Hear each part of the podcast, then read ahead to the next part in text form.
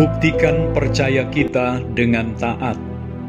Ibrani 3 ayat 18 mengatakan, Dan siapakah yang telah ia sumpahi bahwa mereka takkan masuk ke tempat perhentiannya?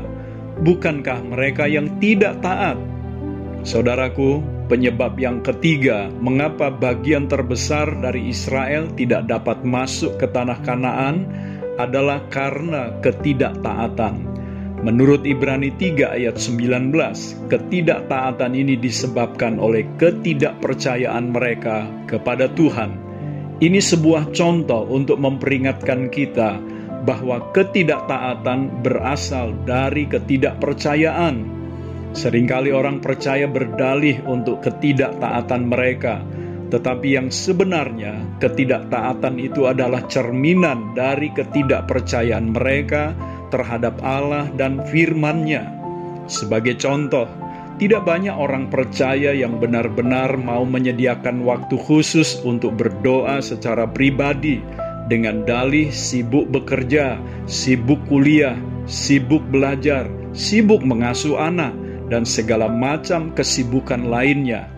Tetapi sejujurnya, hal itu lebih disebabkan karena ketidakpercayaan mereka bahwa berdoa adalah kebutuhan utama bagi kehidupan orang percaya, sehingga Tuhan pun memerintahkan agar orang percaya melakukannya dengan tidak jemu-jemu. Terkadang terlontar dari mulut orang percaya, "Mengapa susah-susah berdoa kalau nasib tidak berubah juga? Dari dulu toh begini-begini saja." Orang lain yang tidak berdoa, kelihatannya nasibnya malah lebih baik Disadari atau tidak, perkataan ini menunjukkan bahwa mereka tidak percaya lagi akan kuasa doa. Mereka lebih percaya akan kuasa bekerja. Begitu juga untuk membaca dan merenungkan firman Tuhan. Banyak orang percaya tidak melakukannya dengan alasan yang sama.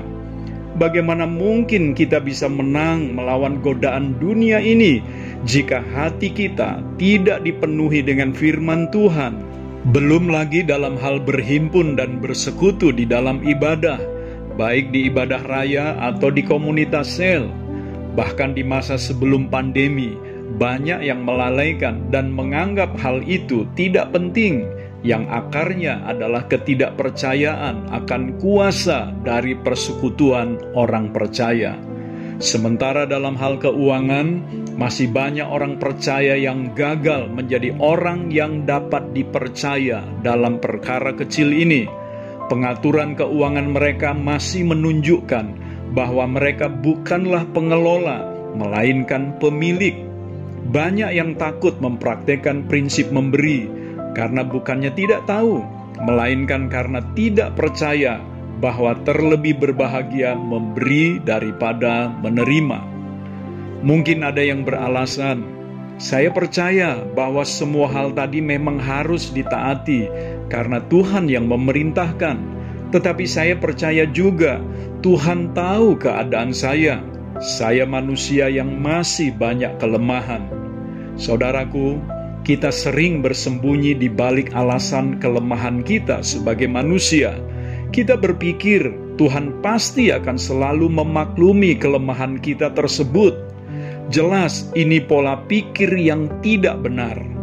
Perintah Tuhan bukanlah himbauan, sehingga kalau kita kuat, kita akan melakukannya, tetapi kalau kita lemah, kita boleh mengabaikannya. Tuhan justru ingin kita menjadi orang percaya yang kuat dengan mengajarkan agar jangan hanya menjadi pendengar saja, tetapi jadilah pelaku firman-Nya.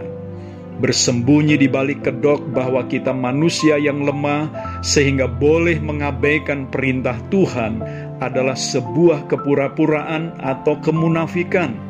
Kita tidak taat karena sebenarnya kita kurang percaya, tetapi kita beralasan bahwa itu adalah kelemahan kita sebagai manusia.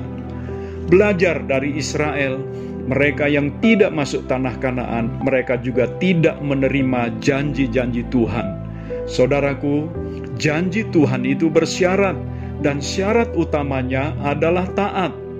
Jadi, aneh kalau kita menagih janji Tuhan, sementara kita sendiri tidak taat, sebab hanya mereka yang taat saja akan menerima janji-janjinya. Karena itu, hal terbaik yang perlu kita lakukan di masa sukar ini adalah bertobat dari sikap kita yang banyak berdalih ketika diminta untuk taat.